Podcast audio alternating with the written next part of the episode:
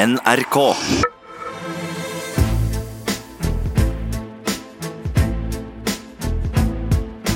Trump mot verden med Gjermund Eriksen og Sean Henrik Matheson. President Trump withheld hundreds of millions of dollars in military aid to a strategic partner at war with Russia to secure foreign help with his reelection. In other words, to cheat. In this way, the president used official state powers available only to him and unavailable to any political opponent to advantage himself in a democratic election. His scheme was undertaken for a simple but corrupt reason to help him win re election in 2020. But the effect of his scheme was to undermine our free and fair elections and to put our national security at risk. Lyden av Adam Schiff der, lederen for justiskomiteen i Representantenes hus, og lederen for The Magnificent Seven. Ja, denne dagen skal alle ta fram sin indre klint. Indre Klint. For det er indre klint vi snakker snakke om. Indre Klint Eastwood! Ja, det er altså aktorene på demokratisk side vi kaller The Magnificent Seven i dag. I riksrettssaken mot Donald John Trump, POTUS, president of the United States. Ja, vi er i gang, Gjermund. Litt sånn sportsaktig spørsmål her til å begynne med. Hvordan har Donald det nå? Nå er han eh, stressa, tydeligvis. Han satte jo eh, rekord Ja. i antall tweets i går. Det skal jo mye til eh, å slå de tidligere. Og så det, har han jo helt sikkert fått kjempebeskjed om at nå må du ikke blande deg så veldig tjukt inn. Ja. For eksempel så har eh, Adam Schiff han har jo pro prosedert mye på at det blir holdt tilbake materiale, og det er ting som blir holdt tilbake, og advokatene til Donald sier nei, det er ikke det som er problemet, det er ikke det som er problemet. Ja. Og så kommer Donald og sier dette. We're doing very well. I got to watch enough. I thought our team did a very good job, but honestly, we have all the material. They don't have the material. Hva skal jeg skal si engang? Det er så vilt. Så det er ikke lett å være gunslinger for Donald. Nei, det er høyt oppmalt. Ja, det, men det har, vært, det har vært underholdende, kan man vel si. Ja, og mer skal det bli. Ja. Og der er det Forrige fredag, så plutselig, når vi var ferdig, så kommer det da ut at det er valgt to nye advokater til Donald sin side. Den ene er Ken Starr. Ja, Gode, gamle Kenneth Starr, altså. Ja. Eh, Tilbake i rampelyset. Det var Levinsky. som altså det er rett og slett han som var mot Bill Clinton og Ja. for å drive riksrettssak med å avsette en president. Ja, Vi holdt på med Whitewater-skandalen og alt dette her som foregikk på, på tidlig 90-tall. Kjempemye show med han, Ja. og så henter de inn Alan Dershowitz. Dershowitz. Og det er sikkert noen som mener det blir mye navn, men dette her er en av verdens mest kjente advokater gjennom tidene. Ja, Hvorfor er han det?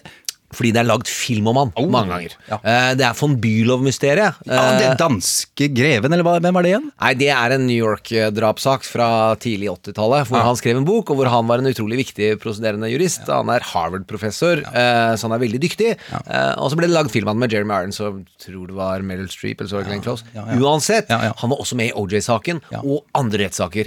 Glimrende juridisk hjerne, som nå allikevel tenker at han skal komme inn, og så skal han eh, ri inn i eh, en ny by, eh, og, som en gammel mann, og ta få én siste runde i manesjen. Ja. Og det vi kunne jo snakka om rettssalsdramaer i dag, for det er mye å hente der med tanke på Schiff. Men denne westernmyten Ja. de fikk meg til å tenke på uh, Clint Eastwood Ja. sin absolutt beste western. Okay. Uh, og det er en fyr som kan western. ja. Ja. Hvor han rir inn i eh, en by uh, og går inn i en saloon, Mm. Unforgiven, eh, og hvor uh, saloonens eier har spikra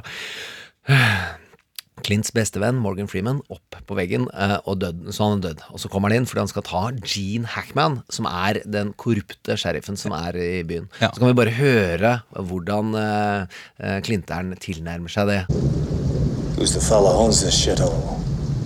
Ja.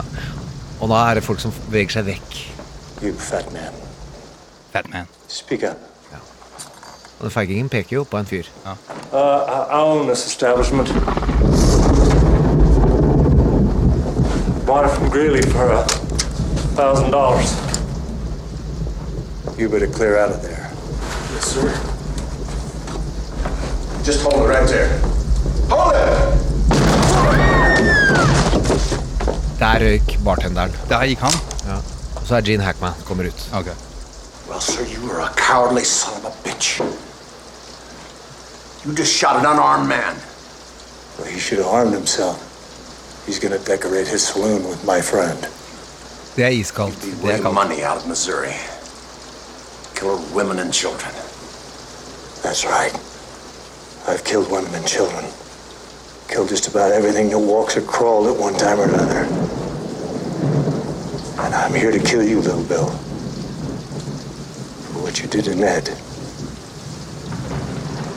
Ja. Det der er filmen Ja.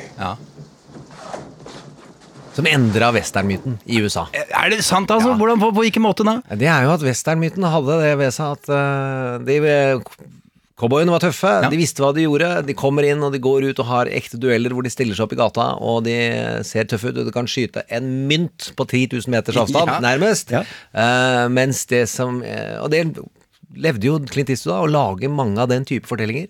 Eh, og så kjøpte han et manus tidlig på 80-tallet som het Unforgiven. Uh, men han lagde allikevel klassiske western, hvor heltene er dyktige våpenbrukere. Hvor folk ikke er fulle og ødelagt av krig, som egentlig er det cowboyen var. Det var post borgerkrig-folka som sleit med å finne seg til rette etter at de, de hadde massakrert hverandre på begge sider. Ødelagt alkohol og alt mulig. Eh, og skøyt ting uten å se helt hva de skøyt. Det var masse saloondrap som hadde skjedd. Ja. Mens min favorittdigresjon kommer nå. kom igjen, vær så god. Ja. Odd Are Berkåk har holdt forelesning. En glimrende sosialantropolog. Skrevet eh, Jeg tror doktorgraden hans var om eh, White Earp Ja. og, eh, og Tombstone. Ja. Nemlig det skjedde bare to ganger Ja. at cowboyer gikk ut i gata, stilte seg opp mot hverandre og skøyt på hverandre. ja, og det, og det er mange grunner til at det ikke var så lett som alle skulle ha det til. Det ene og da har forklart oss, var at det er svartkruttpistoler. Så idet du skyter med den, så er det som å hive en røykgranat, så du ser ingenting. Så det er jo én ting som er i, falskt i cowboyfilmer. Ja.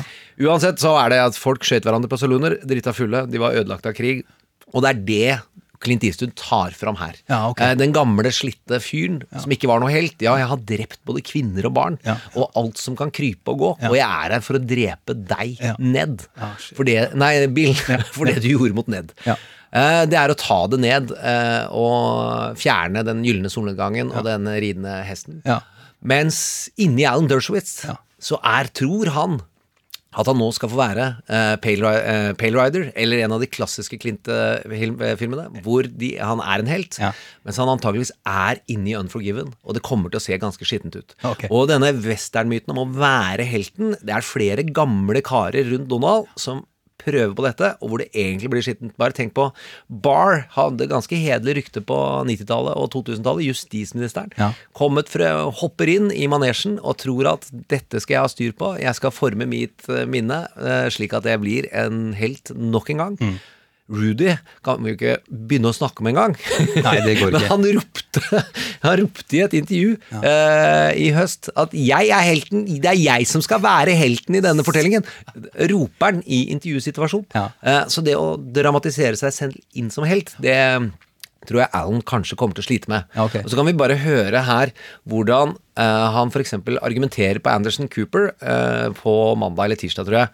Det som er viktig å skjønne, er at uh, Dershowitz uttalte seg mye under Clinton-saken. Ja. Uh, og da sa han at Clinton kunne Burde ikke stilles for riksrett, tror jeg, for denne saken, men man trenger ikke at det må være noe kriminelt for å stille noen for riksrett. Fordi det er en politisk prosess hvor man har eh, satt embetet i vanry. Og det er en politisk vurdering av de som sitter da i Senatet. Og så prøver Al eh, Andersen da, og så si det mente du da, og nå mener du jo noe helt annet. Altså Du prøver å forene ja og nei. Ja. Så kan vi høre hva Alan sier her. I was saying that I'm much more correct right now, having done Much all the research, because that's that the issue. issue. Let me explain. Please don't shut me off. Yeah, two against one here. Let me make my point. No, I, I'm not on I anyone's did side. I'm trying to understand the- what I you're did saying. not. Well, listen. Maybe you'll understand if you listen. I've done all the research. Okay, so you It's didn't do the 22 research back years then. ago. Got it. I didn't do the research back then Okay. because that wasn't an So issue. were I've done the Okay. research now.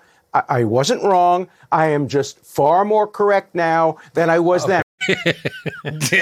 Det jeg skal okay. oppsummere all, alle diskusjoner jeg kommer til å ha med min kone herfra og i er at jeg var ikke, jeg hadde ikke feil, jeg har bare mye mer rett nå. Ja. Men øh, Og det er, en, det er en veldig vanskelig posisjon han har valgt seg å argumentere for juridisk. Emily Bazelon, som er en av de som skriver om juss i Times Magazine og er i Slate sin podkast, hun var ordentlig rysta i går altså, over at det går an å prøve å hevde denne posisjonen. Det er veldig unaturlig å si at den ene utøvende statsmakt ikke skal stå til ansvar for den andre.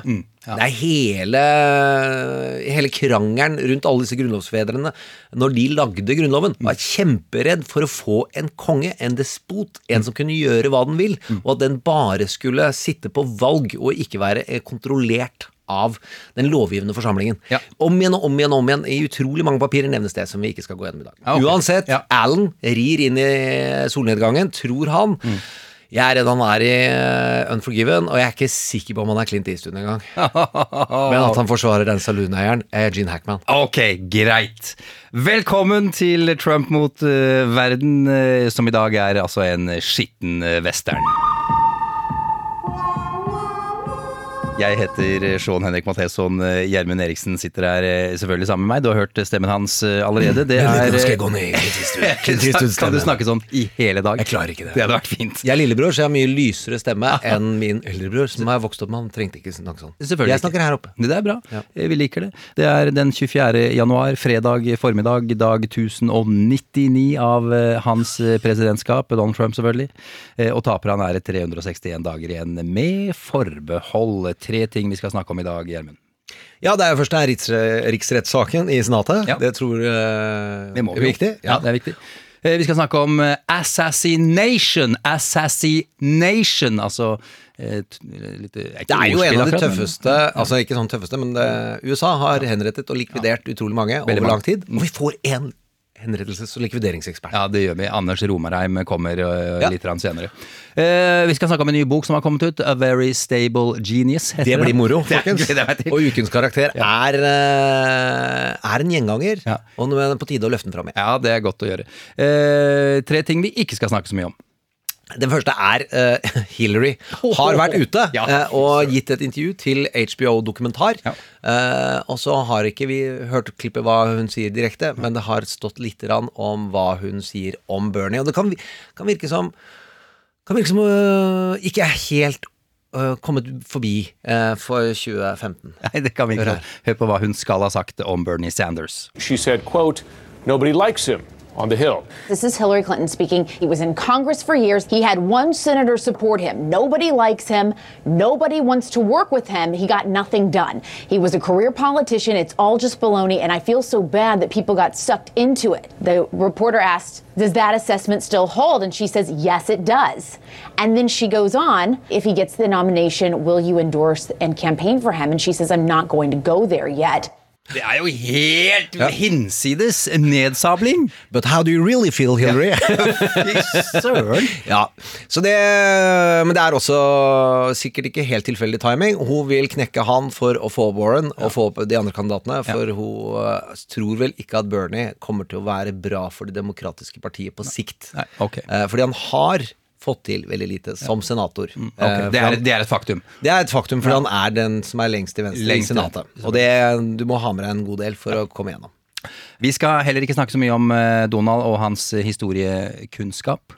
Nei, jeg tror at uh, her må noen gå inn pedagogisk. Og vi har begynt å sette ned en liten gruppe til å utvikle type historiske sanger. Vi, har, vi begynner jo et eller annet sted vi må bevege oss mot Midtøsten og nedover der vi kommer fra. Hør her. Istanbul was Constantinople, now it's Istanbul, not Constantinople. Been a long time gone, old Constantinople, still it's Turkish delight on a moonlit night. Det er jo fordi at Donald har uh, gitt et intervju om uh, teknologi og oppfinnelser, og da er det ikke småtteri han finner ut at kommer fra USA og har amerikansk oppfinner. Og Vi kan kanskje høre først hva det er. We have to protect all of these people that uh, came up with originally the light bulb and uh, the wheel and all of these things. Så han mener altså at USA har funnet opp eh, hjulet og, og lyspæra. Det er, nok, eh, eh, det er nok det han mener. I hvert fall så er det det han argumenterer for. Ja. Så er jo ikke fakta og sannhet og virkelighet så veldig viktig for han. Og så googla lite grann, men det er 6000 år. først. Mesopotamia kom hjulet 6000 år siden, helt riktig. Ja. Så der sliter Donald. Men det er jo hans totalt ukritiske måte å bruke ord på, som underholder mye, men som dessverre ikke tåler sannhet. Eh, Vi skal ikke snakke så mye om eh, angrep på Biden heller, fra Bernie Sanders, som vi allerede har vært innom. Ja, for dette er en klassiker. Nå eh, er det da endelig akseptert av alle at Biden kommer ikke til å klappe sammen av seg selv, nødvendigvis, og derfor må vi begynne å skyte på han. Så nå begynte Bernie å trekke fram ting han eh, Biden har snakka om på 90-tallet, og som nesten alle moderate demokrater over en viss alder har pekt på, at vi må se på utgiftene til Social Security. Og det er livsfarlig i valgår. Ja, det er Eh, Men de, det, er ikke, det er liksom noe de, demokratene alltid går igjennom i denne type presidentvalg. Så får vi se om eh, det knekker noe. Ok, ja, ja, ok. Eh, vi skal altså det, var, det kunne jeg solgt inn litt mer spennende. Men det er, det er spennende å se om nå Biden eh, kommer til å merke angrepene eller ikke. Ja, okay. Eller så er det over. Vi får følge med på det. Eh, Vi skal til Senatet, og vi skal til riksrettssaken. Trump mot verden med Gjermund Eriksen og Sean Henrik Matheson. Etter å ha drøyd og drøyd, ja, eller som du ville sagt, Gjermund, spilt et langparti sjakk, så sendte altså Nancy Pelosi over anklagepunktene mot Donald Trump for ei drøy uke siden. Eh, Og med det startet hun selve riksrettsprosessen. Og tirsdag i denne uka så, så starta vi. Eh, Hvor lenge saken vil vare er eh, usikkert, bortsett ifra at lederen i senatet, Mitch McConnell, har gitt hvert lag, altså demokratene og republikanerne, tre dager hver på å prosedere og legge fram sin eh, sak. Det vet vi, eh, men når dette her er gjennomført, skal det diskuteres om, om vitner og bevis også kan eh, føres, med andre ord. Eh, Ikke 100 sikkert hvor lang tid det tar. Eh, Er president Donald Trump skyldig eller ikke skyldig i å ha begått maktmisbruk for egen vinning, og for å ha motarbeidet Kongressen? Det er spørsmålet Senatet skal finne ut av. Jeg minner på at det er republikanerne som har flertall i dette kammeret. eh, 53 mot eh, 47. Og for at det skal kunne dømme presidenten, så kreves det da to tredjedels flertall. Ja, Gjermund, endelig er vi altså i gang på ordentlig. Eh, Hvor skal vi begynne, syns du? Jeg syns vi må begynne med eh, den retoriske kraftprestasjonen til Adam Schiff. Eh, og hvordan han klarer da å holde tråden og holde følelsen til folk eh, veldig godt. Eh, ikke bare jeg som sa det, det ble sagt på begge sider av The Isle. Eh, til og med Graham, Lindsey Graham. Han var imponert. Han var imponert. Vi kan høre her fra avrundingen hans i går kveld. No Constitution can protect us. Right doesn't matter anymore. And you know you can't trust this president do what's right for this country. You can trust he will do what's right for Donald Trump. He'll do it now. He's done it before. He'll do it for the next several months. He'll do it in the election if he's allowed to. This is why, if you find him guilty, you must find that he should be removed. Because right matters. Because right matters. And the truth matters. Otherwise, we are lost.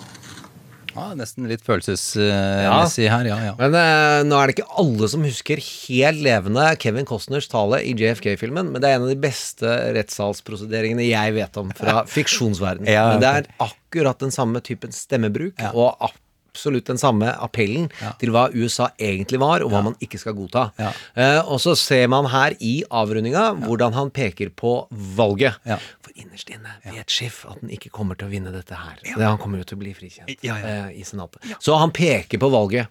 Men dette var avrundingen, Mm. og så starta han det hele med en gjennomgang og en gjennomlesning av uh, klassiske tekster. Mm.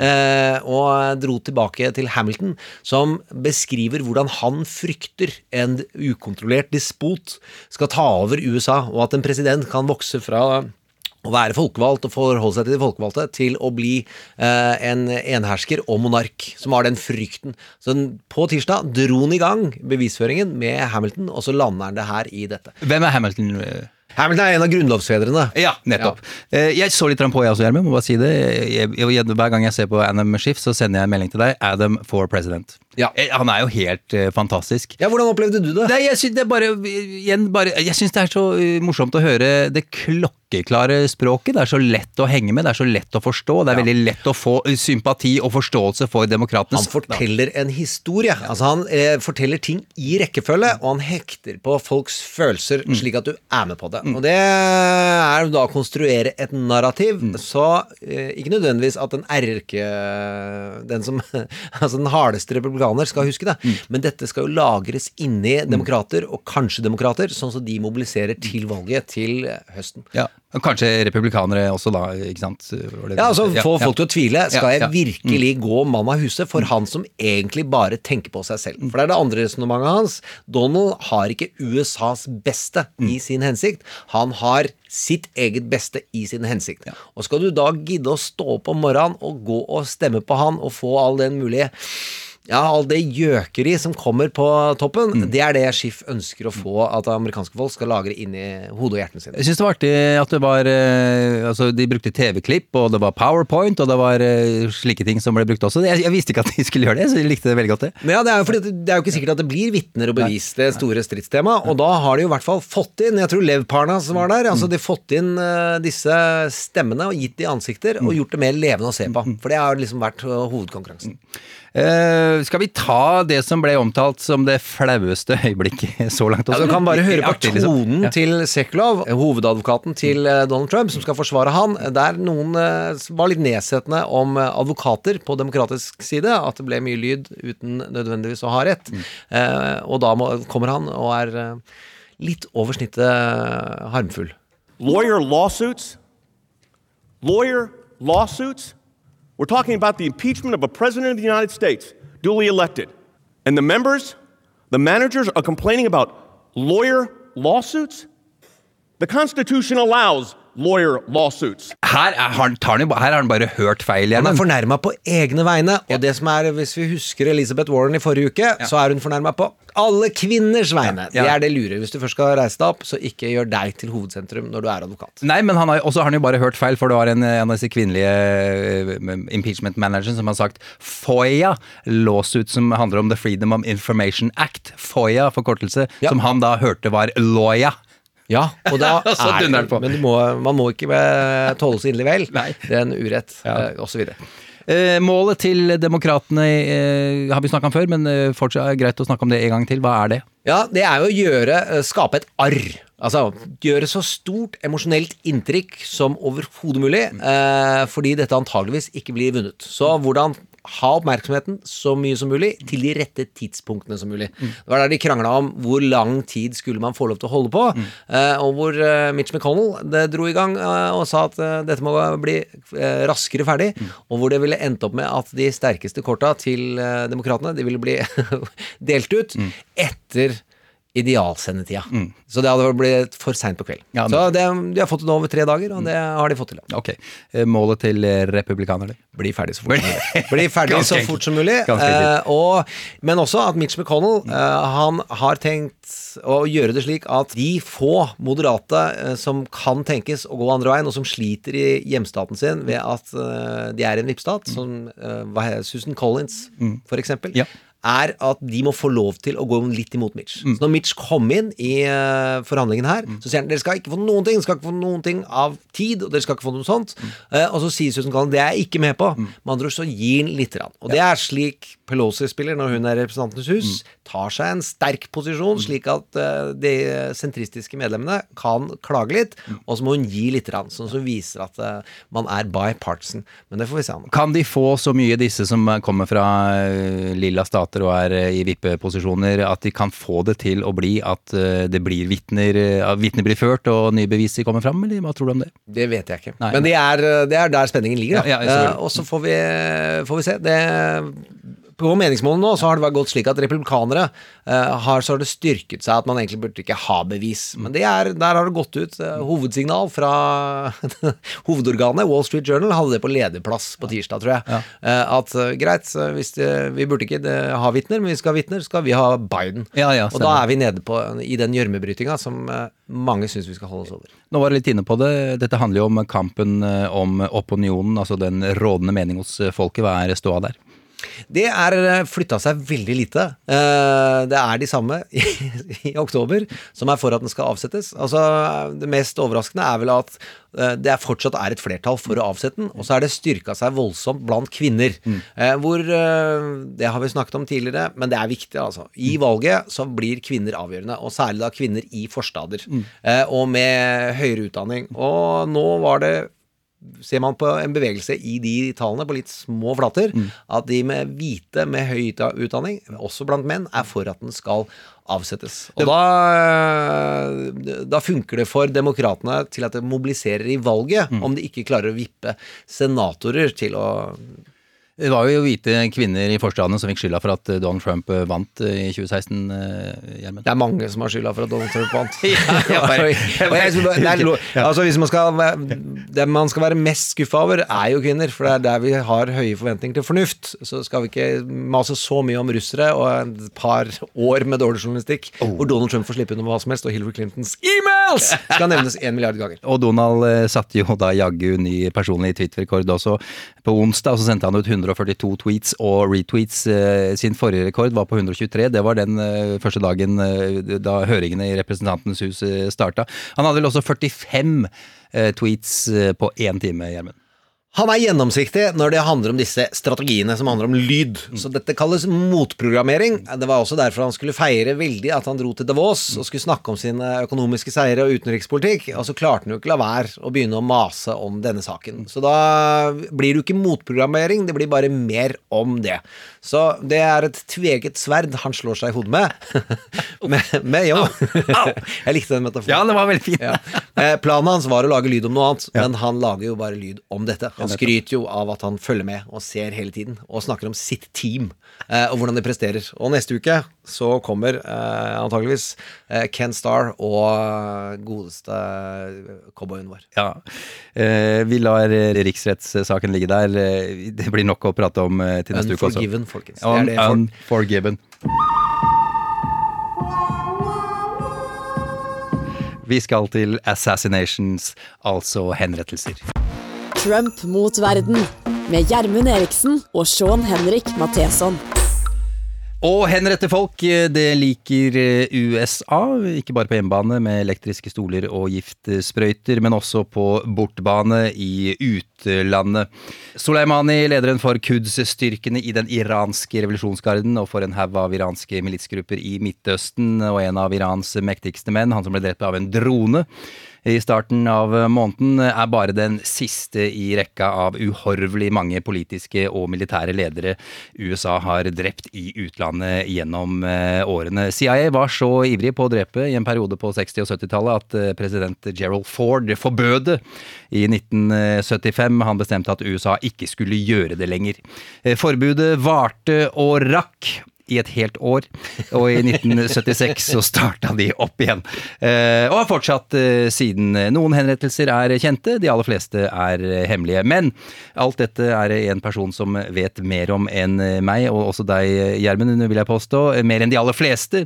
Velkommen, Anders Romarheim. Takk, takk for det. Det er stas å ha deg på besøk. Eh, Statsviter, eh, også en doktorgrad i War Studies fra Kings College i London. Nå jobber du i Forsvaret ved Institutt for forsvarsstudier, blant annet. Altså jobba med terrorismeforskning ved NUPI, Norsk utenrikspolitisk institutt, med mere, mer enn jeg har i CV-en, eh, Gjermund, bare for å si det sånn.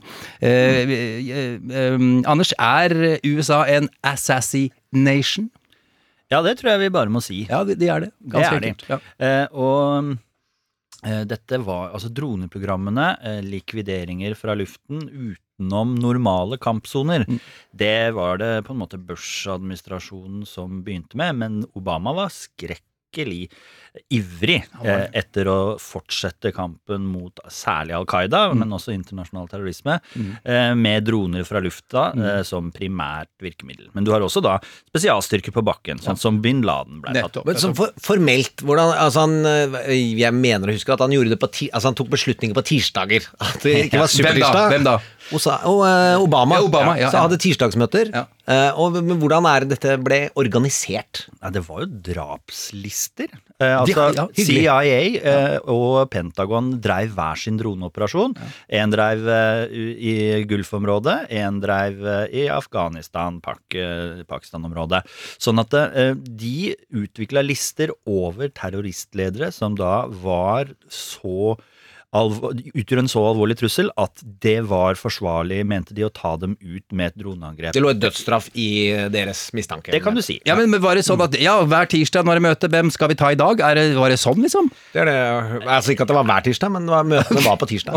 Ja, det, altså jeg, jeg og dere var jo ikke på de møtene, men, men dette er jo beskrevet i ganske mye detalj. New York Times var de som hadde de beste sakene om det. Som nær sagt, jeg, jeg tror ikke de produserte kill-listen, da, men ja.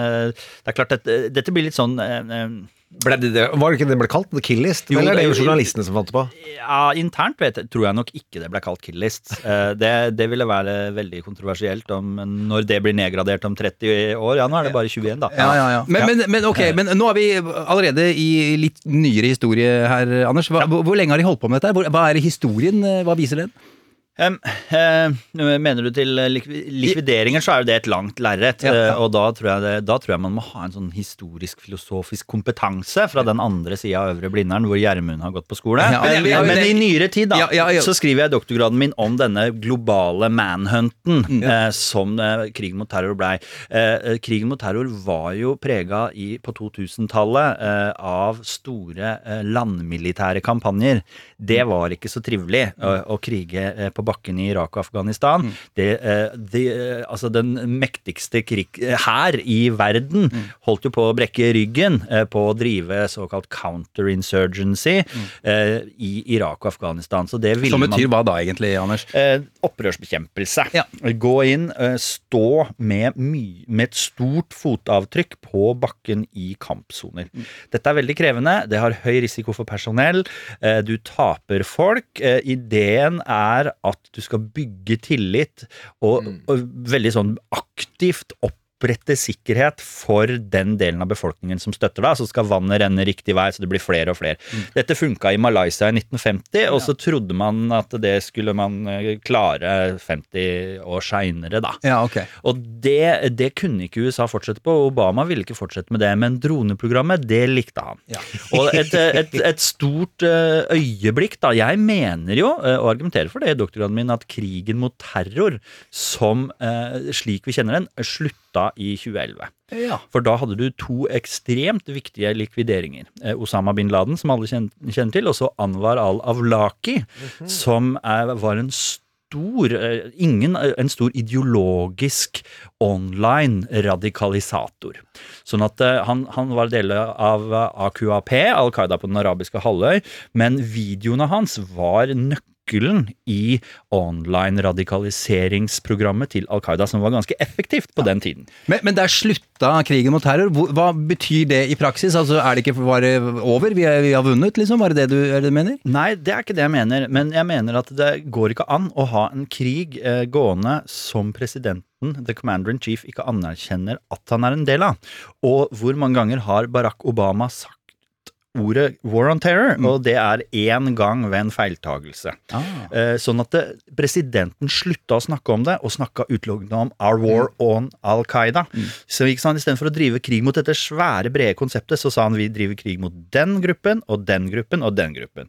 Og så, eh, hvert år, så oppdaterer USA hvilke terrorgrupper de anser seg å være i krig med. Eh, men å gå til krig mot hver enkelt er noe annet enn å ha dette store, overordna konseptet. Sånn at han parkerte krigen mot terror som retorisk konsept. Og da mener jeg at han avslutta krigen. Ja, jeg skjønner. Men det er et argument. Det kan man argumentere mot. Ja, men ok. Jeg har ikke noe å komme med her, Gjermund. Jeg vet ikke. Nei, jeg, jeg, jeg, Den satt. nei, jeg, jeg, jeg, er jeg, enige? ja, Ja, det er øh, vanskelig å argumentere mot Obama. Måten han prøver å ikke gi seg selv et nederlag. Eh, og nemlig ved å altså, holde det store konseptet åpent, så står USAs valgte president alltid på nederlag. At du har ennå ikke vunnet, du har ikke fått til noen resultater. Ved å få ned kravet og sette seg delmål. Det er vel egentlig det han gjorde. Konseptuelt i seg selv delmål, som var overvinnelig. Og så vokste ISIL opp, og så måtte man bekjempe dem. Og Trump er litt mer sånn Han kan, eh, der kan, han kan snakke litt war on terror og alt sånt, men eh, konseptet, en global eh, war on terror, det vil jeg også si at Trump egentlig ikke forfølger. Men han, det var et av de tydeligste utenrikspolitiske løftene hans. Jeg skal nedkjempe ISIL. Det gikk ikke så gærent. Ja, ikke så, men, han, ja, men er ikke det litt på vei opp igjen, nå som han har trukket seg ut av Syria og, og så videre? er Og så videre? Ja, ja, så, ok, nettopp. Bare, Men så det, er Har vi det på plass også? Men, men, ja. men det, da, det er omkamp, ikke sant? ja, omkamp. Har erklært ja. declare victory and get out. Det ekstrakneppet som han gjør når han tar ut denne lederen, hva, hva innebærer det? Jo, det er et kvantesprang. Eh, Er vi nå på Soleimani? Ja, Ja, ja, Soleimani. ja, ja, Eh, Fordi, eh, ikke sant, vi, vi har snakka om enkeltpersoner som du kan ta ut. Vi har Mm. snakka om organisasjoner som USA oppfatter seg i krig mot. De har da definert Al-Quds-styrken i revolusjonsgarden som en terrororganisasjon. Så for USA, når de legitimerer dette i Juridisk. Juridisk eller semijuridisk, så viser de til dette. Dette er for dem ikke annerledes enn å ta ut Anwar al-Awlaki, som ikke var kontroversielt på den, eh, den måten. Det var veldig kontroversielt fordi han var amerikansk statsborger. Mm. Eh, Så det, eh, det var Eller hadde amerikansk pass, hvis jeg husker riktig. Det, dobbelt statsborgerskap, den typen ting. Eh, Men å ta ut en militær toppleder fra et av verdens mektigere ra- land, det er et kvantesprang. Mm, mm. Ok, eh, på hvilken måte da? Fordi eh, når du Altså, denne formen for terrorbekjempelse kalles decapitation. Eh, altså, hogge hodet av slangen. Eh, Mm. det er det The Assassination driver med. Og veldig ofte så vil det fungere ganske godt mot terrornettverk. Eh, Al Qaida etter bin Laden er ikke noe i nærheten av hva det var mens han levde. Eh, og sånn har USA, og Israel kanskje spesielt, drevet offensive likvideringskampanjer mot terrorledere. Men du kan ikke likvidere bort en hel republikanergarde. Og en stat har helt andre maktmidler til å slå tilbake. Og nå ble det krysseraketter eh, mot Irak, eh, og så har det blitt mye eh, festligheter i cyberdomenet.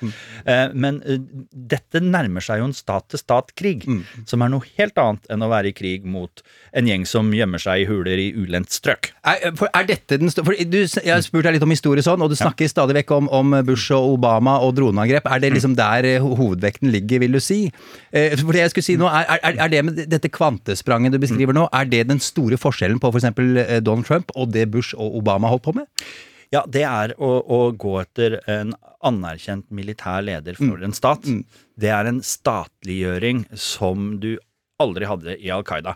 Men er dette noe Trump eh, er, tenker over, eller hans eh, regjering og administrasjon, eller, eller bare skjedde det uten at de eh, var bevisst dette kvantespranget, tror du, Anders? Veit ikke, hva tror du, Gjermund? Nei, nei jeg, altså jeg tenker på det at Donald er veldig god på sånn eh, pub... eh, Hva heter det? Pub, pubklokskap. Som jeg også kan tenke på når jeg, hvis jeg skal få lov til å bestemme litt inn. Altså, Hvorfor i helvete skal vi hele tiden skyte soldatene, de unge 19-20-åringene på bakken? Hvorfor ikke bare gå rett på å skyte generalen som har eh, sendt meg ut i krig? Ja, altså Hvorfor er det denne høflighetskulturen mellom to statsmakter når de kriger? Nei, da skal ikke bombe statsministeren. Hvorfor i helsike skal vi ikke ta de som har ideen til krigen? Det er jo en sånn pub-argumentasjon som jeg sliter med å argumentere mot. Og som etter nok rødvin, da tror jeg alltid at jeg blir klokere, blir veldig mye dummere. Man Kan jeg finne på å si ja. ja, det blir i hvert fall ikke jeg. Men på hvitvin så kan jeg holde Ja, da- da da holde- holde- Litt sånn heavy metal i bakgrunnen, Ja. mm. Men uansett, hva er galt med å prøve å drepe den øverste lederen i den andre landet du kriger med? Um, ja, det var, eh, det var et godt og Ja, vanskelig det var et bra spørsmål! Eh, Vil du ha et glass rødvin? flaks- jeg har doktorgrad i krigshistorie. Ja. Ikke krigshistorie, ikke krigsstudier. Ikke historiker, ikke historiker. Du, eh, det fin før var det jo konvensjoner mot dette. Ja. Det var en eller annen eh, flott eh, general, jeg husker ikke hvem, men det kan jo alle google når de eh, har lyst, som eh, besiktiga sine menn. Dette her var sånn første verdenskrig-tida. Og så, sa han etterpå I don't know about the enemy, but These men the sure instill fear in me. Han skjønte jo at han hadde tusenvis av gærne beist Ja. under sin kommando, som han ikke turte tenke tanken på hvordan det ville bli hvis ikke han og kommandolinja deres holdt dem i sjakk. ikke sant? Det er som bikkjer. Der du har sånn kamphunder. Så slipper du dem løs, let loose the dogs of war, så blir det galskap. Sånn at det er jo den klassiske begrunnelsen, gentlemen's agreementen mellom offiserskorps. Vi skyter ikke hverandre fordi eh, det er dumt. Da har du ingen å drikke te med etter slaget og sånt. Og så er det ingen til å holde orden på det unruly hordene av ville menn de har under sin komma- kommando. Du trenger offisersvesenet til å holde infanteristgærningene i sjakk. Det er litt av tankegangen fra slagfeltet, da. Er ikke det gøy? Ja, dette likte jeg veldig godt. Ja, det da, da må vi nesten eh, gå videre og så snakke om da det, det som er den hovedoffiseren. Hovedoffiseren, skal vi gjøre det? The, the Very Stable Ja, Genius. vi, vi, vi, går, vi skal til bokhjørnet. Ja, vi er i bokhjørnet akkurat nå. Siste bok ut er A Very Stable Genius, noe som jo Donald Trump har kalt seg selv. Eh, Selvskryt eh, og selverklært ekspertise sitter jo alltid løst hos eh, Trump. På det her. I could be the most popular person in Europe. I'm the Ernest Hemingway of 140 characters. And I do mostly do it myself. Bing, bing, bing, bum, bum, bum, put it out at real Donald Trump. I have been the most transparent president and administration in the history of our country by far. I'm a professional in technology. Well, they call me Mr. Brexit over there. I know more about courts than any human being on earth. I am the chosen one. Nobody's stronger than me. You know what I am? I'm a nationalist. I am a young, vibrant man. I'm a very stable genius. Very, very, very stable genius. Det er ganske utrolig å høre på. Eh, ja, siste bok ut er altså A Very Stable Genius, eh, kom ut på, på tirsdag, skrevet av Philip Rucker og Carol Lonig. Leonig, eh, noe sånt noe. Eh, To eh, Pulitzer-pris vinner journalister fra The Washington Post. Pulitzer-prisen, en mer prestisjetung pris, er ikke mulig å få for en journalist i USA.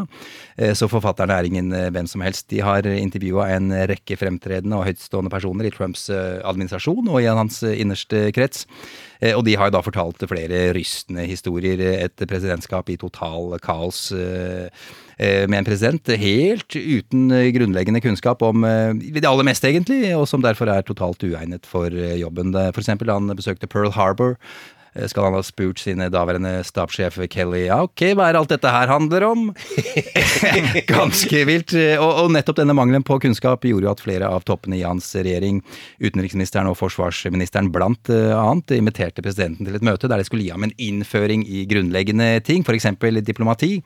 Eh, Trump syntes det var kjedelig og teit, eh, som om han satt på skolebenken i første klasse og, og kalte dem losers, dopes og babies. eh, Generalene sine kalte det. Sine, mens han lurte på hvorfor USA ikke får betalt for å ha soldater i utlandet. Som også forteller, Denne boken forteller om en president som på, på jevnlig basis da altså ydmyker og latterliggjør sine medarbeidere. Det, er, det gjør han hele tiden, på daglig basis.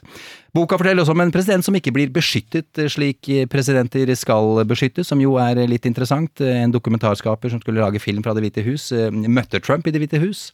Trump var tørst, eh, og filmskaperen dro fram en flaske vann fra veska si. Han drakk vannet uten å mukke Donald Trump, og uten at noen prøvde å, å stoppe ham. Det er jo ganske spesielt. Også med tanke på at han er germskeptisk, altså han er veldig redd for bakterier, så er det blitt meg fortalt at det er jo en kvinnelig filmskaper, og at det er dattera til Pelosi, er det? Jo, det er dattera Pelosi som Ja, og hun er mye på. HBO og Realtime mm. og har det mye politiske kommentarer. Men da er det en hersketeknikk. Altså Han vil komme nær den dama, så han, eh, som å ta på ting. Men det trumfer altså hans eh, bakteriefobi, Ja, åpenbart. ja, Hvis han kan eh, komme tett på damer, så er det jo klart at han selv har sagt hva han har lyst til å gjøre. Eh, Vi har et klipp eh, fra, eh, eller av Carol Leonig eh, der hun forteller litt om en episode. Skal vi lytte til den? Ja, og det er en ting først? Ja, vær så god, Anders. Selvfølgelig. Vannflaskedrikking. Marco Rubio. Ja, I god gammel Mark. Okay. Ja, ja. Han hadde jo en gang da han skulle være så tøff, og så drev han med sånn øh, vannflaskedrikking, og det, det, det herma Trump etter og latterliggjorde han med litt sånn hermegåsa Did you see him with this water bottle? Ja, det er helt riktig, det. Ja, det var morsomt. Det var veldig morsomt. Samtidig så, så kontra jo For plutselig, ikke så lang tid etterpå, så trengte jo også Donald Trump å drikke vann på scenen, og gjorde jo akkurat samme som Marco og Rubio. Han- Møtte seg sjæl i døra der, altså! Ja. Prosjessering er hans favorittøvelse. Men de skal, eh, det er en scene som handler om David Kelly, eh, og at uh, Donald er utrolig redd for å være på en paradebegravelse i Frankrike, hvor uh, de gamle krigsheltene skal besøkes, de som da ble gravlagt. Og han er redd for håret sitt, og derfor går han aldri ut i storm eller når det er regn, så han vil trekke seg, og så sutrer han mye om det, og så sier Kelly jeg skal prøve å sørge for at du slipper den, at du skal få slippe å være der. Og så kan du høre her hvordan hun beskriver den scenen. The moment when he is raging about how in the world John Kelly, my chief of staff, could you have embarrassed me and made this terrible decision about me not going to this war memorial in honor of, a, of fallen American soldiers hmm. in France, in Paris? Actually, the president is the person who decided not to go to it. He didn't feel like going. It was rainy. John Kelly told him, look, if you don't want to go, here's what we can do. But when the images came out and John Kelly is standing there and looking presidential and Trump is getting criticized, it's all John Kelly's fault. Ja, og det er han ekstremt flink til, å gi andre skylda uansett og når som helst. Og så er det Hvordan er dette å ha en sånn leder? For jeg er sånn, sånn sikkerhetspolitisk. Ja, nei, for Vi skal ikke snakke mer om boka, det, er bare interessant å høre litt om eh, hva som står der. Men eh, ja, eh, som Gjermund sier, Anders, altså, hva mener eksperten, altså deg, om, om hvordan Trump fungerer som den øverste lederen av det amerikanske forsvaret og, og etterretningen i USA? Ja, det var jo et vrient forhold helt fra start. Ja. eh, det vil si, han, han elska jo generaler i starten, eh, og, og ville Jeg tror han valgte masse generaler i sin in, initielle administrasjon eh, for å vise at han ikke var politiker, og at dette var en slags antipolitisk, populistisk, folkelig eh, koalisjon som rei inn i Washington til hest, eh, tungt bevæpna, for å ta et oppgjør med sumpen. Eh, der, ja! Der. Litt sånn. Ja, litt sånn. Sånn at eh, han avskaffa jo sånn den eh, PDB-en, The Presidential Daily Briefing, der du må sitte og høre på CIA fortelle hver morgen hva de er mest bekymra for i verden. Det har tidligere presidenter fått hver eneste morgen. Hvorfor orker han ikke høre på det? Nei, det syns han er eh, Han liker ikke å lese. Nei, ja. Samme greiene om igjen. Ja, og, ja, okay, ja. eh, Et eller annet. Han, han er ikke så særlig interessert i etterretning, og han er interessert i militære ledere som effektive ledere, men militære råd Fagmilitære råd er en veldig vesentlig eh, del av det å være toppoffiser i et demokrati. Eh, Senest i høst leverte jo eh, Håkon Brun-Hansen sitt fagmilitære råd. Forsvarssjefens, ikke sant? Det, det skal du gjøre, men det liker han ikke så godt å høre på. Og der har han også sagt ja, nei, jeg vet mer om eh, Irak enn generalene osv. Den typen ting, da. Så han er jo for egenrådig eh, til å støtte seg særlig på deres råd, og så er det jo noe med lojaliteten, da. For eh, offiserskorpset er jo veldig lojalt. Eh, det er på en måte drilla inn fra du får den første lille vinkelen på skuldra osv. videre Men et sted går grensa for dem òg, eh, når du får så mye eh, hva skal vi si, nedlatende karakteristikker. Da. Men du har Rex Tillerson beskriver blant annet i altså en av de scenene som ble mest kjent fra denne boka, som kom ut før boka, var at Rex Tillerson sitter og hører hvor Donald sier hvorfor i all verden kan ikke vi eh, ta, eh, ta oljen fra et land? Eh, og så tenker jeg nå må jo Rex Tillerson fortelle hvorfor det er ikke lov. Og Rex Tillerson er tidligere leder av Esso, så han vet et og annet om olje i hvert fall, om han ikke var militærbakgrunn. Ja. Men det er ikke lov å ransak, eh, ransack Ikke ransake, men altså Rane. rane et land Ja, for ja. deres verdier når du har hatt krig med dem. Men det har Donald ropt hele tiden.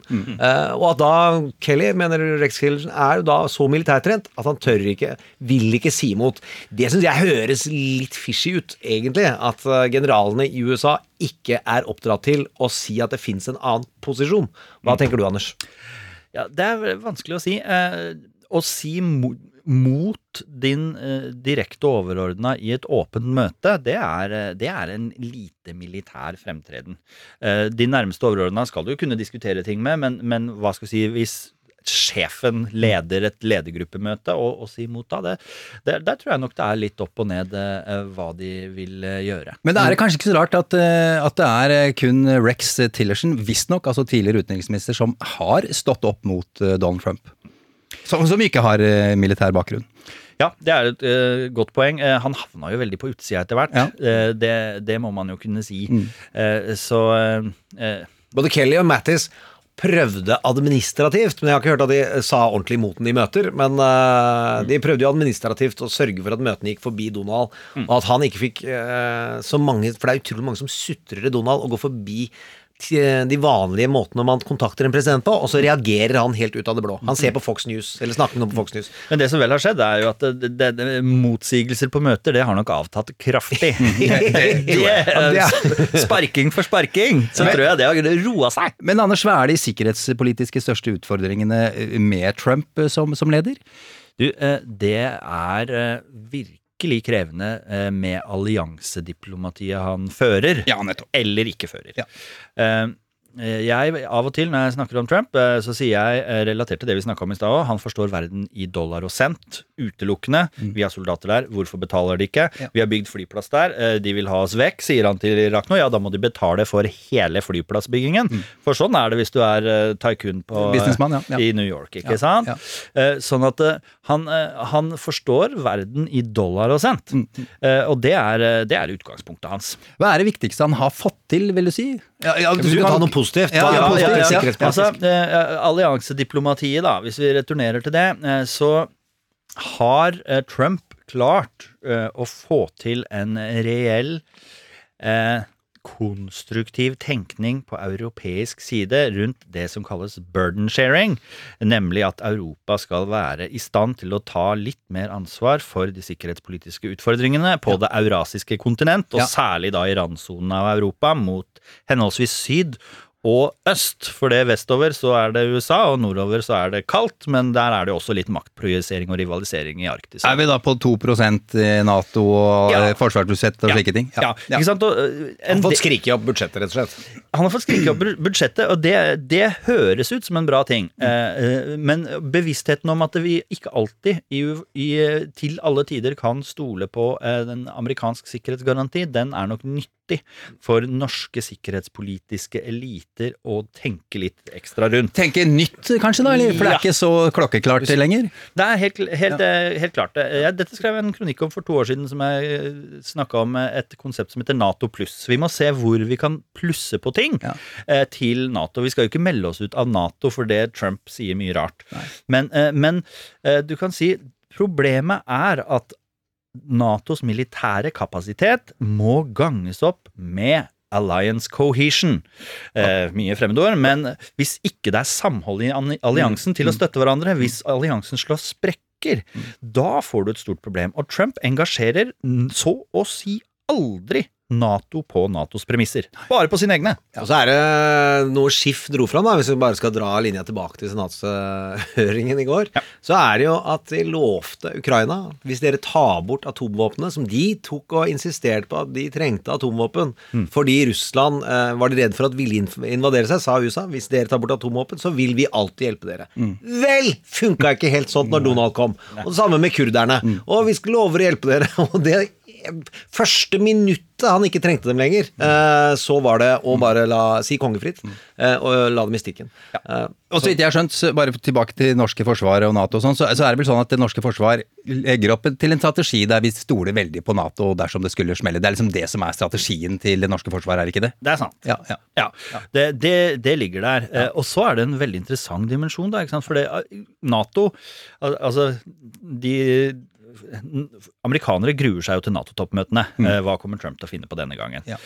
men det bilaterale forholdet mellom eh, Solberg-regjeringen og Trump-administrasjonen er helt greit. Og det må vi bare holde på. Er det det, eller bare er det jobben til USA Nei, til Norge å si at det er helt Si det greit? bare høyt. Ja, altså, det Fordi var Hvis du noe- ikke sier det, så havner du i New York Times, og så kommer han, da får du lommelykta på deg, det onde øyet fra Sauron, og så, eh, så ryker en eller annen uh, Ja, men, ja, men, ja, handelsavtale. men, ja, men, dagen etter Erna Solbergs møte uh, altså uh, Utenriksminister Søreide og Erna Solberg hadde jo dette møtet i Det hvite Ja. hus. Det gikk så det grein etter. Han elsker nordmenn, egentlig. Ja, og også Han behandler jo egentlig venner som fiender og fiender som venner veldig mye. I en sånn overraskelsesstrategi. Men det eh, møtet gikk eh, over all forventning, og han fortalte jo da neste dag, som alle, mange vil huske, hvorfor kan jeg ikke få møte flere sånne istedenfor Ja. From African Ja. Shithole Ja, Countries. Ja, Shithole, det var- er det et det var dagen. eller noe sånt? Ja. Da sier vi gratulerer til Solberg og Eriksen eh, for eh, å ha klart å skape et sånt uh, inntrykk. Det gikk fint. Uh, kjapt, eh, ikke så veldig mye om det, men hva er det verste som har skjedd? Vil du si? Det verste øyeblikket Det verste- som eh, etsa seg fast inni deg tenkte Oi. Ja, du, kan jeg si pass? Kan jeg, er det sånn der, sånn Er der sånn- kvitt eller dobbelt? Der de spiller sånn ja. klassisk musikk, og så får Men hvorfor sier du pass? Er det fordi det er så mange ting å velge mellom? Er det derfor, eller? Ja, jeg, jeg syns det er vanskelig å velge ut eh, et, en, en enkel ting. Ja, som, der- Jeg kan som si mitt. Ja, vær så god. Nei, det er når han står i Helsinki, og så er, sier alle at uh, Etterretningen sier at Russland uh, påvirka valget ditt, og så sier han 'jeg tror ikke på min egen etterretning', Mm. mens Vladimir Putin står ved siden av. gliser. Eh, så gliser. Og så sier nei, jeg tror ikke han var med å påvirke valget vårt. Og så spør Putin var, Nei, han var vår foretrukne kandidat, og vi hjalp til å sørge for at han vant. Det er altså så hårreisende. Ja, eh, det er. Gjermund har sagt eh, at Donald dessverre Dette har du sagt flere ganger, Gjermund. At eh, Donald dessverre har flere viljer på en gang. Vil både krig og vil ikke krig. Hmm, ja. Hva tenker du om det, Anders? Eh, jo, jeg, jeg tror det kan være mye fornuftig i det. Eh, jeg tror eh, Jeg tror det blir sånn fordi preferansene hans forandrer seg så fort. At han eh, kan mene noe i et møte på formiddagen, og så egentlig har han bestemt seg i et annet møte på ettermiddagen. Og da blir det jo som ulike viljer mm. trer sammen til samme tid, da. I politikken er jo eh, hva skal jeg si, eh, tidsdimensjonen ofte litt lenger enn det. Som det selvfølgelig er vanskelig å forholde seg til både i USA og i resten av verden. Ja. ganske Helt- enkelt. Ja, Det, det må jeg si. Ja. Eh, Men eh, Gjermund, eh, som alle feel good western, så må vi vel slutte med håp, må vi ikke det? Jo. Ja, skal vi gjøre det? Ja, Hva er det, det beste som kan skje? Hva er det beste som kan skje, Anders? For Trump? Ja. Av Trump? Nei, jeg tror Trump egentlig hadde Om 20 år øh, Nei, da er han jo død, da. Men om øh, 10 år, når han sitter øh, nede i Palm Beach og ser tilbake, så tror jeg egentlig det hadde vært litt greit for han å slippe å være president mer. Ja. Eh, men han liker ikke å tape. Han skal aldri tape. Han har aldri tapt et valg. Tenk litt over det. Aldri tapt et valg. Så da er det jo litt røft når jeg sier at jeg eh, fortsatt tror han taper i 2020. Du gjør det? Jeg tror det, fordi han aldri har klart å kare seg over 50% i såkalt approval rating, som er en sånn benchmark som alle andre presidenter har klart. Han skaffer seg nye fiender eh, på en daglig basis. Men riksrettssaken, da får du masse kaos. Eh, Og Trump er veldig ofte den som brøyter seg ut og børster av seg etter at det har blitt kaos. Alle de andre ligger igjen i en sånn gjørmedam og er blitt skitne, men eh, Trump han, han går gjennom hva som helst. Så det er en ganske positiv ting å si om Trump. Makan til vinnerinstinkt! Det er ganske vilt. Uh, ok, uh, vi skal til ukas karakter. No one has more on the line than former Vice President Joe Biden. Likely to vote for Joe Biden. Hey man, how you doing? Please welcome Joe Biden. Ja, ukas karakter. Anders, det er du som har valgt ukas karakter, og du har valgt selveste Joe Biden, mannen som eh, jo leder på meningsmålingene, også i Iowa, det må sies, staten som går først til stemmeurnene eh, om en drøy uke 3. februar. Eh, Anders, du har trua på, på Joe fra, fra dag én, egentlig, og før det også, må sies. Hvorfor det? Du, det er et par veldig enkle argumenter, eh, og det er det fine. I perioder så har jeg da fulgt veldig godt med på amerikansk politikk. Nå jobber jeg ganske mye med sikkerhetspolitikk og, og en del andre ting, så jeg har ikke tid til å følge godt nok med, så jeg er litt mer som en dum velger. Eh, og de må, det er jo dem det er flest av. Eh, la oss eh, fornærme dem. Og i hvert fall i. USA. Vi er ingen USA. Alle, vi er dumme velgere, vi også. Sånn er det bare. Ja, ja. Winston Churchill, Ja. beste argumentet mot demokrati. Five minute discussion with the average voter. Den sitter. Ja, han sa også mye annet rart som burde gi henne i fengsel. Men, det er Men eh, eh, min eh, viktigste bokkilde på uh, Trump er Bob Woodwards Fear. Det er mye frykt rundt eh, presidentskapet til Trump. Det er en ordentlig, ikke knyttneve, men kneskål i panna på det liberale USA.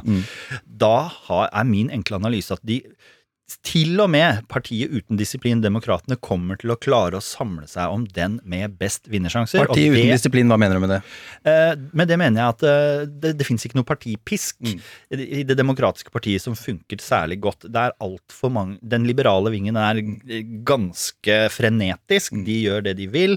Uh, de tenker at Kamala Harris skal bli president. Det sa jeg med en gang hun ble lansert, at det kommer ikke til å skje. Mm. Det blir ikke en afroamerikansk kvinne fra hyperliberale California denne gangen.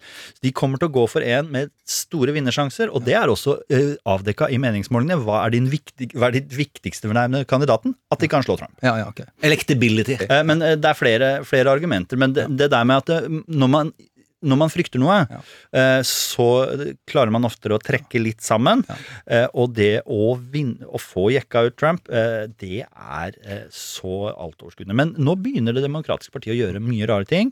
Hva da? Eh, Warren og Sanders har gått løs på hverandre. Det, altså, da er det jo mange som sier å nei, og jeg er enig, det er dumt for det hele, men hvis de på en måte blir dunka ut litt tidlig. Ja. eh, de trenger ganske raskt å, å samle seg om en eh, skikkelse, og jeg tror det må bli Biden eller Warren. Ja, jeg er ikke så sikker på at de må samle seg veldig raskt. Det har jo en tradisjon for å aldri gjøre det. Det er det ene. I de siste Jeg husker ikke når de samla seg rundt Kerry, og når de samla seg for Gore, ja. Eh, For der fulgte jeg ikke så hardt med. Men det er en helt vanlig ting at den progressive linja, der krangles det mellom dem, og så finner man en, venn, eh, en hovedkandidat på den siden, og så er det en av de moderate. Og så krangler de, som eh, Anders sier. Demokratene har, uh, bruker alltid lang tid på å samle seg. Eh, mens republikanerne er mye flinkere til å ta talking points og si 'nå holder vi kjeft', og så samler vi oss rundt det. Her kan det, sut her kan det sutres til valgdagen. Altså bare Skal ikke nevne noe fordi folk er så hissige. Bernie Bros. Altså det antall mennesker som har klaga klagde på Hillary hele veien inn, eh, og ikke takla at man samla seg, det er symptom på det han sier. Og det starta jo med at Bernie Sanders beit seg fast i skinnleggen til Hillary Clinton, og hun prøvde å vifte han av, og han lagde eh, primærvalgkamp til langt utpå våren mm. eh, i 2016. Helt unødvendig, mm. og som eh, førte til dårligere partisamling. Sånn at hvis vi skal være stygge, så sier vi at det var Bernies skyld at Hillary tapte. Det Ja. mener i hvert fall Hillary. Ja, det er jeg ganske sikker på, ut fra det vi har hørt tidligere i dag. Og russerne! Og noe journalistikk. Ja, ok. Eh, Biden eh, har jo levd et dramatisk liv med suksess og tragedier eh, om hverandre. Blir helt sikkert en film eh, en eller annen eh, dag, jeg er ganske Mm. sikker på det. Eh, Hva ville din eh, politiske eh, favorittscene bli da i denne filmen om Joe Biden? Oi, det var vanskelig. Eh, altså, han har jo da vært eh, visepresident eh, a heartbeat away fra verdens mektigste embete. Eh, og stått i det med sønnen Hunter, som da har hatt tiår med rusmisbruk. Mm. Vi har jo litt paralleller til det i norsk politikk, Stoltenberg og, og slikt.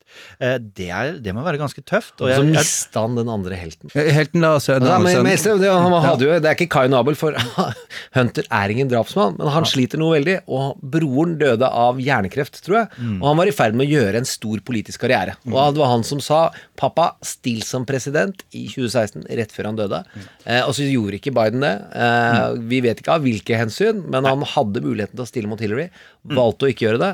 Og noe av dette, stille opp for sønnen sin, eh, lukter det litt av eh, hvorfor han er her. Og det er veldig menneskelig, Joe- og ikke med meninga å snakke ned, altså. Joe Biden er average uh, American i en livshistorie. Altså Det er som du sier tragedie, det er rus, eh, og så er det eh, målbevissthet og suksess. Det er liksom en blanding. Biden har på totalen en spennende historie. Men det er klart han, han er litt ferdig Han er litt å- yesterday's news. Ja. Det er et stort problem.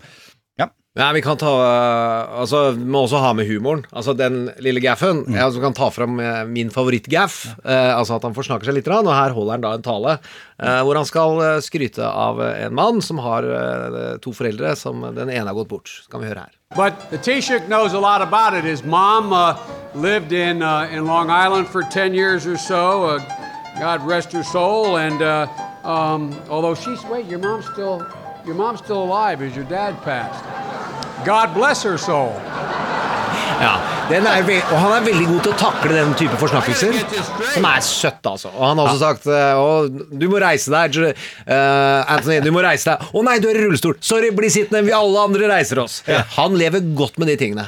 Men det han dramatiserer seg inn som, når du snakker om at han er litt yesterday's news, ja, han er i den westernfilmen vi har starta sendinga med, ikke sant? Ja, ja, ja. Så håper vi at han ikke er i Unforgiven. Han ser seg veldig som den siste slitne cowboyen som nå skal komme og ta den utrolige skurkete Gene Hackman. Eh, bare at eh, vår gode Joe han argumenterer, hvis du hører hva han sier 'Jeg skal ta deg med bak låvene og gi deg juling', sier han til Donald. Det er ganske drøyt, da. Ja, han er der. Og han skal ta pushups hele tiden, så gjør han seg tiden tøffe. Og hvis du ser hvordan han bruker ansiktet sitt, og hvordan han alltid går i konflikt, i konfrontasjon, så skal han være tøff. Han skal være westernmyten. Og så er det også rykter om at han sier at innerst inne så trenger jeg bare én periode. Uh, så kan man diskutere hvor lurt det er å si sånne rykter, men eh, Men uh, dette er veldig bra. Jeg er enig. En viktig grunn til at jeg har tro på Biden, og har hatt det, som det ble sagt her, hele veien, er de presidential-debattene. Eh, han har erfaring med presidentdebatter. Han har sittet i to visepresidentdebatter. Å gå i eh, mann-mot-mann-debatt med Donald Trump, det er altså eh, å mm, bryte med en gæren eh, grizzlybjørn på amfetamin. altså, det er, det er jo galskap. Ja, det, ja, hvis dere husker det da han liksom gikk mot Clinton og sto nesten oppi henne. Ja, ja, der ja, snakket. han, han ja, til å gjøre masse sånt. sånn. Ja, ja, ja. Der trenger du en stø hånd. Eh, og Joe eh, Biden har en veldig viktig egenskap eh, som jeg mener passer bra til å slåss mot Trump. Det er at han kan være sint med et smil. Mm. Bernie eh, smiler aldri når han er sint. Han bare snakker så han blir så rød, og du lurer på hvor lenge kan dette holde. Mm. Som er en av grunnene til at Bernie I don't do pleasantries. Nettopp. Eh, Så det, hvor lenge kan det holde? ikke sant? Og han har jo hatt eh, hjertekirurgi nei, Ja, jo, hjerteinfarkt. hjerteinfarkt på Ja. veien, den Ja. typen ting. Men å være sint med et smil, for du må, det det kommer til å bli utrolig tilspissa. Så får vi se.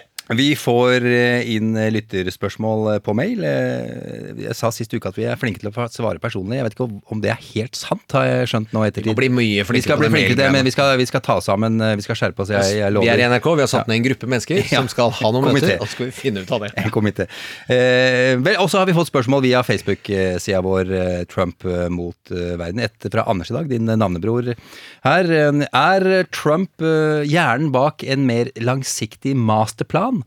Eller ligger det ikke så mye tanke og strategi bak alt som skjer? Og hvis det ikke er Trump som trekker i trådene, hvem er det som gjør det da? Jeg vet, Anders, jeg vet ikke om du vil hive deg på der? Eh, jo, eh, det er vanskelig å se masterplan. Jeg tror du har rett, ja. det, er, det er dollar og cent. Så han, han, har, han har et klart mål, og så skifter han strategi absolutt hele tiden, fordi eh, han gir begge det, og det oppleves veldig kaotisk. Men han har et mål om så mye penger til seg som mulig, og så vil han bli så kjent som mulig.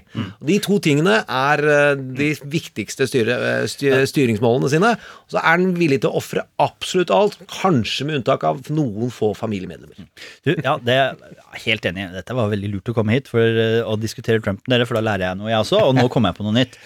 Trump er en kaosmaker. Han lager kaos av alt, Ja. han er best under kaos. Og han er bedre relativt enn de andre under kaos. Han kommer til Nato-toppmøtet, lager kaos, og så går han uh, sin egen vei. Og, og, og det gjør han gang på gang. Og så er vi helt enig i det siste. Og det, da Trump ble innsatt, før han ble innsatt, så var jeg veldig tydelig i min kommentering på amerikansk politikk. Følg med Ivanka. Og det er jo bare fordi jeg så mye Celebrity Apprentice i sin tid. For ti år siden. Nydelig. Hun var hele tida Det var aldri noen tvil i, om at hvem som kom til å ha en politisk rolle av barna hans. Ivanka eh, jeg, jeg har et talking point om det òg, som jeg alltid bruker når jeg snakker om eh, denne gjengen, og det er at det er viktigere at en sak har gått gjennom Trumps familieråd enn Det nasjonale sikkerhetsråd. Ja, akkurat. Det er skremmende, det. Det er skremmende. Bare for å si det, nå er vi like smarte som deg, Anders, fordi vi har snakka om at han er en kaosmaker lenge. liksom, bare så minst. Ja, ja, bare så altså, det er hoved... I, det var godt, det var deilig. I alle mulige karakterbibler her i verden. Kudos. Der er Joker er da kjent som en av verdens største filmkarakterer, og han er jo da kjent som kaosmaker. Altså, det er ikke viktig for han hvordan det ender, bare det er kaos, så vil han vinne uansett. Dette er jo klassisk. Jeg trodde jeg kom på det sjøl, men jeg har hørt det her. Fy søren, det er her du har hørt det. Det Nei, nei, var deilig, Gjermund, å være smart. Ja, for det er smart helt, vi har én milliard lyttere.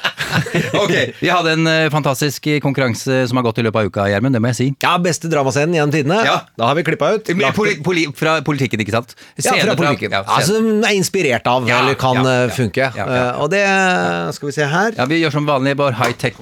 high-tech. Her er det masse lapper, og så kan du trekke. Der, ja, så skal vi Der har vi lappen. Og det er Ah! Det er jo fader meg den derre Ja, denne kjenner vi faktisk eh, igjen akkurat i dag. Why America is not the greatest country in the world. Hvilken scene er det vi snakker om nå, eh, Gjermund? Det er Newsroom. Ja, det er Ja, The Newsroom. det, den henger høyt, ja. Ja, Den er på HBO, er den ikke det? Eller et eller annet sted? Det er Om- HBO. Ja, som er, Den er lagd før eh, Donald Trump kom til makten. Bare Det er veldig interessant å se. ja. Og det er da Line Kristin Andersen som, har, eh, som er dagens vinner av denne koppen, som vi skal produsere. Som skal produseres. Den er i produksjon. Eh, send oss mail, du også, som hører på. Det hadde vært eh, hyggelig. Eh, Trump at nrk er adressen. Eh, Facebook-sida vår heter Trump mot verden. Ukas konkurranse, Gjermund. Ja, der har jeg fått et godt råd ja. fra Rune, og det er at Redaksjonssjefen vår, ja, Rune. Og jeg hadde en moro konkurranse som var Hva er det rareste Donald Trump har gjort?